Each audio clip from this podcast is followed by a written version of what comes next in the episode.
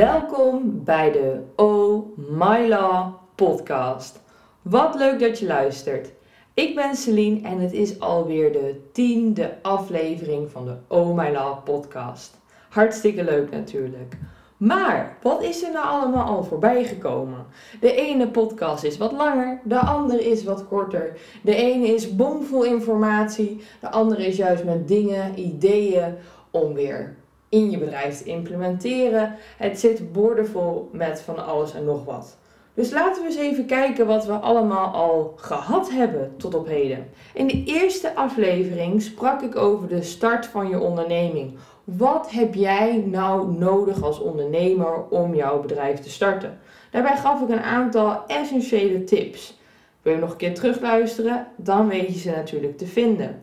In de tweede podcast sprak ik over rechtsvormen. Het verschil tussen een eenmanszaak en een BV heb ik daarbij kort even uitgelegd. Een ander heel belangrijk onderwerp in deze podcastreeks was ook het thema aansprakelijkheid. Wanneer ben je nou eigenlijk aansprakelijk en waarom ben je dan aansprakelijk? En nog belangrijker misschien wel, wat kan je er tegen doen? In die podcast kwam ook het thema AVG voorbij. Ja, niet de aardappel, vlees en groentevariant, maar dan bedoel ik de Algemene Verordening Gegevensbescherming. In de vierde aflevering sprak ik over het verwachtingsmanagement. Een thema dat eigenlijk iedere ondernemer zou moeten implementeren in zijn business. Maar toch is het vaak wat lastiger dan dat het misschien in eerste instantie zou lijken. Hè, welke verwachtingen zijn er van mijn klant, maar welke verwachtingen heb ik van mijn klant? Toch merk ik dat het voor ondernemers vaak lastig is om, dat laatste, om die laatste vraag te beantwoorden. Dus wil je nog een keer terugluisteren naar die podcast, luister hem vooral. In de vijfde aflevering sprak ik over overeenkomsten. Een heerlijk thema. Lekker alles zwart op wit. Maar daarbij keken we ook waarom het nou eigenlijk zo belangrijk is om dingen zwart op wit te zetten. En dat het niet altijd vanuit de gedachte gedaan moet worden dat je uh, misschien wel achterdochtig bent of dat de ander wat te verbergen heeft. Nee, er zijn hele andere motieven om te kiezen voor zwart op wit. En ook een heel belangrijk thema is wat nou op het moment dat het misgaat. Ja, dat kan natuurlijk gebeuren, maar weet dan ook dat er verschillende stappen zijn die gezet moeten worden en dat in actie komen het allerbelangrijkste is, want van niks komt niks. En vervolgens kwamen we aan bij de intellectuele eigendomsrechten. Een mega breed thema op zich en daarom nam deze ook lekker twee afleveringen in beslag. En wat ik het allerbelangrijkste vond ten aanzien van die twee afleveringen is dat kort naar voren komt wat kan je ermee en wat moet je nou doen. Waar moet je starten? Waar moet je beginnen? Waar moet je eigenlijk naar kijken? En als laatste, dus de vorige aflevering, ging over bedrijfspanden. Kopen, huren. Wat zijn de voordelen? Wat zijn de nadelen? Maar nog misschien wel belangrijker, als je dan zo'n overeenkomst krijgt, waar moet je dan in de basics op letten? Tuurlijk kan ik zeggen, huppakee, naar een juriste mee. Maar het allerbelangrijkste is dat jij weet waarom je dan die expertise gaat inschakelen. En wellicht dat jij ook al van tevoren duidelijk hebt waar jij vragen hebt. Want hoe, hoe, concreter jouw hulpvraag, hoe beter de specialist natuurlijk jou ook kan helpen. Dat was even een korte terugblik naar de vorige afleveringen. En wellicht denk je nu van, hey, oh, die aflevering heb ik gemist. Of misschien denk je wel, oh, wacht even, daar ben ik even kwijt. Luister hem gerust nog een keer. En heb je vragen, kijk dan ook vooral eventjes op onze website www.forumjuridica.com. Vandaag is een bijzondere dag, want vandaag gaan we kijken naar het consumentenrecht. Wellicht doe jij alleen zaken met andere bedrijven, maar misschien doe jij ook wel zaken met consumenten en bedrijven of alleen met consumenten. Even heel hip gezegd, B2C en B2B. Ja, dat was even heel kort, maar daar komt het wel op neer. Op het moment dat jij zaken doet met consumenten, is ook het consumentenrecht van toepassing. Maar wat is het consumentenrecht nou? Nou, het consumentenrecht biedt regels die rechten en soms ook plichten geven met betrekking tot de consumenten in het handelsverkeer. Het consumentenrecht is van toepassing op vele treinen. En dat zorgt er dan ook voor dat er verschillende wetten zijn. Het is niet zo dat je huppakee naar je juridische boekenkastje zou kunnen toelopen en het boek Consumentenrecht eruit kan pakken. Nee, het consumentenrecht is wel zowel verspreid als in het burgerlijk wetboek, de telecommunicatiewet, de AVG, noem het allemaal maar op. Overal komen kleine stukjes terug. En de meeste regels van de consument zijn dwingend recht. Dus dat betekent dat er niet van mag worden afgeweken. De regels zien dus op de overeenkomsten die consumenten met ondernemers sluiten. Maar aan welke thema's moet je dan denken? Nou, op de eerste plaats gaat het natuurlijk om de prijzen, de wijze van betalingen, verzending, garantie, annulering, maar ook heel belangrijk de informatie met betrekking tot de overeenkomst. Dus de informatie die vooraf beschikbaar is voordat de overeenkomst gesloten wordt. En vandaag kijken we in dat kader naar een tweetal belangrijke aspecten van het consumentenrecht. We beginnen met een interessant en ik denk ook wel bekend thema: het herroepingsrecht. Waar vaak ondernemers zeggen: het is leuker om dan aan de kant van de consument te zitten dan aan de kant van de ondernemer. Nou, daar kom ik sowieso nog eventjes op terug op dat standpunt. Maar goed, het herroepingsrecht voor consumenten houdt in dat wanneer een overeenkomst tot stand is gekomen via internet, telefoon of op straat, binnen 14 dagen zonder opgave van reden kan worden ontbonden. Oké. Waarschijnlijk ken je dit al van Amazon, Bob.com, dat je kan zeggen na 14 dagen nope en huppatee, weg ermee. Klinkt natuurlijk allemaal makkelijk, maar daar komt natuurlijk de juridische maar.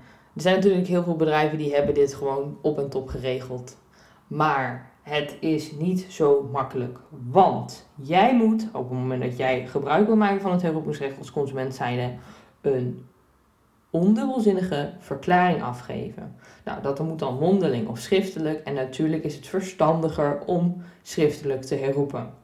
Immers, want, daar komt hij, de consument moet namelijk kunnen bewijzen dat hij of zij op de juiste wijze en tijden gebruik heeft gemaakt van het herroepingsrecht.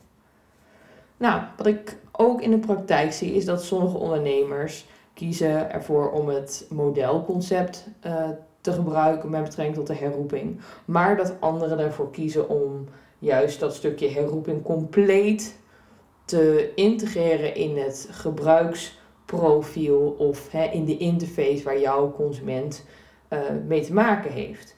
En dat zorgt er ook voor dat voor de gemiddelde consument, hè, als hij iets bestelt bijvoorbeeld bij de Bol of de Amazon, dat het ook niet helemaal meer zo statisch voelt zoals ik het net zei, maar dat het eigenlijk is van hé, hey, het is niks, kan terug, huppatee.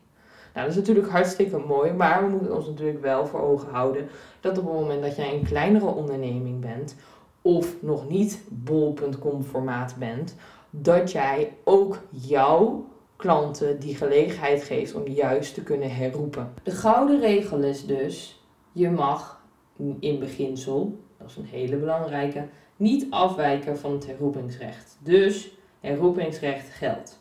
Maar als ondernemer heb jij natuurlijk de plicht om je klanten goed te informeren.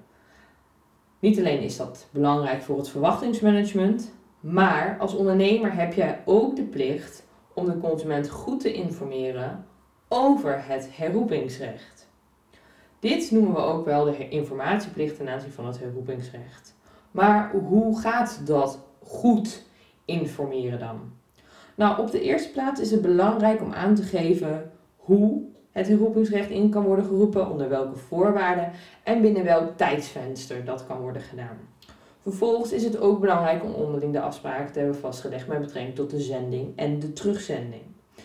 Een ander belangrijk punt is om vast te stellen op welke wijze klanten kunnen herroepen.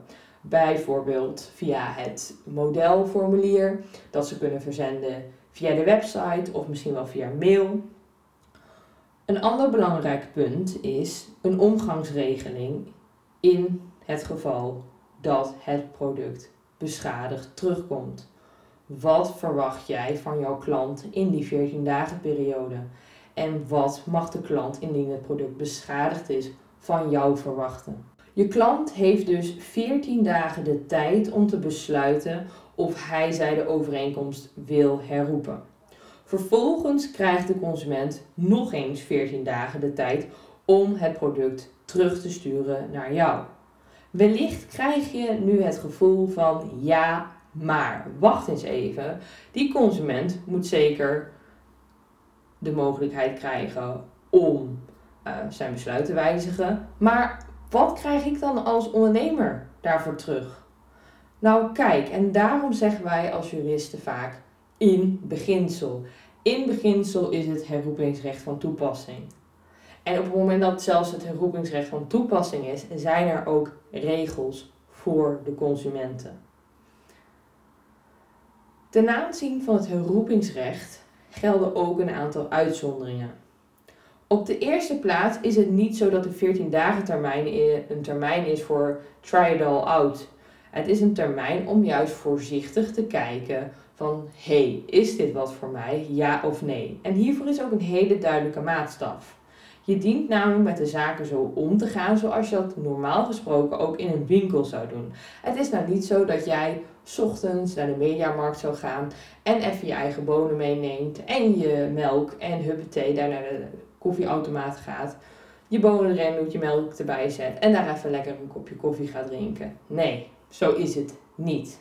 Op het moment dat je naar de mediamarkt zou gaan, dan bekijk je het apparaat, je vraagt wat over de specificaties of je leest erover, je drukt wat knopjes in, je kijkt onder het apparaat, je kijkt boven het apparaat, naast het apparaat, overal bij het apparaat onderhand. Maar goed, je gaat dus niet daar te plekken even lekker jouw uh, latte macchiato maken. Dus dat is een hele belangrijke. Een andere zij is natuurlijk ook dat er ook goederen en diensten zijn waarop het herroepingsrecht überhaupt niet van toepassing is. Voorbeelden daarvan zijn maatwerk of bijvoorbeeld bederfelijke goederen. Oké, we hebben dus gezien dat je je klanten moet informeren over het herroepingsrecht. En dat er ook uitzonderingen zijn ten aanzien van het herroepingsrecht. Maar wat als je de consument vergeet te informeren of als je dat niet of niet voldoende hebt gedaan? Op het moment dat er geen afspraken over verzending zijn, dan zijn de kosten voor jou als ondernemer. En indien een dienst deels is uitgevoerd en je hebt de klant niet goed geïnformeerd over het herroepingsrecht, dan kan jij voor die kosten opdraaien als ondernemer. Nog eentje, je moet de klant de mogelijkheid geven om op een juiste manier te herroepen. Doe je dat niet, dan weet je, dan is het voor jouw rekening. En als allerlaatste, als ondernemer moet je ook duidelijk zijn dat op het moment dat iemand bij jou dat product koopt, dat er een betaalverplichting ontstaat. Want jullie sluiten een overeenkomst en daaruit vloeit voort dat de consument een betaalverplichting tegenover jou heeft. We begrijpen allemaal dat het als ondernemer belangrijk is om je klanten te voorzien van juiste informatie. Maar wist jij ook dat ondernemers een uitgebreide informatieplicht hebben? Ja, en wellicht een vraag die dan meteen naar boven komt en waarom. Op de eerste plaats is het natuurlijk belangrijk dat een klant een wel overwogen beslissing kan maken voordat hij of zij de overeenkomst sluit. Ik hoor je al denken: oh god, nog meer zaken waar ik rekening mee moet houden. Wel nee. Weet je nog, in aflevering 4 sprak ik over verwachtingsmanagement. Als je dat goed op de rit hebt, dan zijn de volgende punten easy voor jou. Op de eerste plaats is het belangrijk dat je de informatie snel en gemakkelijk vindbaar maakt. Een duidelijke en transparante website is daarbij heel erg belangrijk. Dus je hebt een heldere en transparante website. Top. Maar je hebt dus ook een webwinkel. Hè? En daar ben je keurig netjes bezig geweest met de productbeschrijvingen. En ben je heel erg duidelijk wat de klant van jou kan en mag verwachten. Maar natuurlijk ook wat jij van een klant verwacht. En toen ging die persoon bestellen. En daar komen wij de beruchte bestelknop. Niet alleen moet deze knop een mooi prominent plekje hebben op je website, het is ook belangrijk dat je de klant duidelijk maakt dat wanneer hij of zij op die knop drukt, dat hij of zij een overeenkomst met jou sluit en dat daar een betaalverplichting uit voortvloeit. Oftewel, het recht is overal en altijd aanwezig. En wees eens eerlijk voor jezelf. Heb jij, datgene wat ik net al allemaal besproken heb over consumentenrecht, heb jij dat al goed geregeld? Of wellicht zit je nu met een notitieblokje in je hand en denk je, oh jee, dat is even een punt van aanpak. In ieder geval, als je hulp nodig hebt bij jouw juridische zaken, kijk dan vooral even op onze website www.forumjuridica.com. Aan alles komt een eind en zo ook aan deze tiende aflevering. Bedankt voor het luisteren en tot de volgende keer.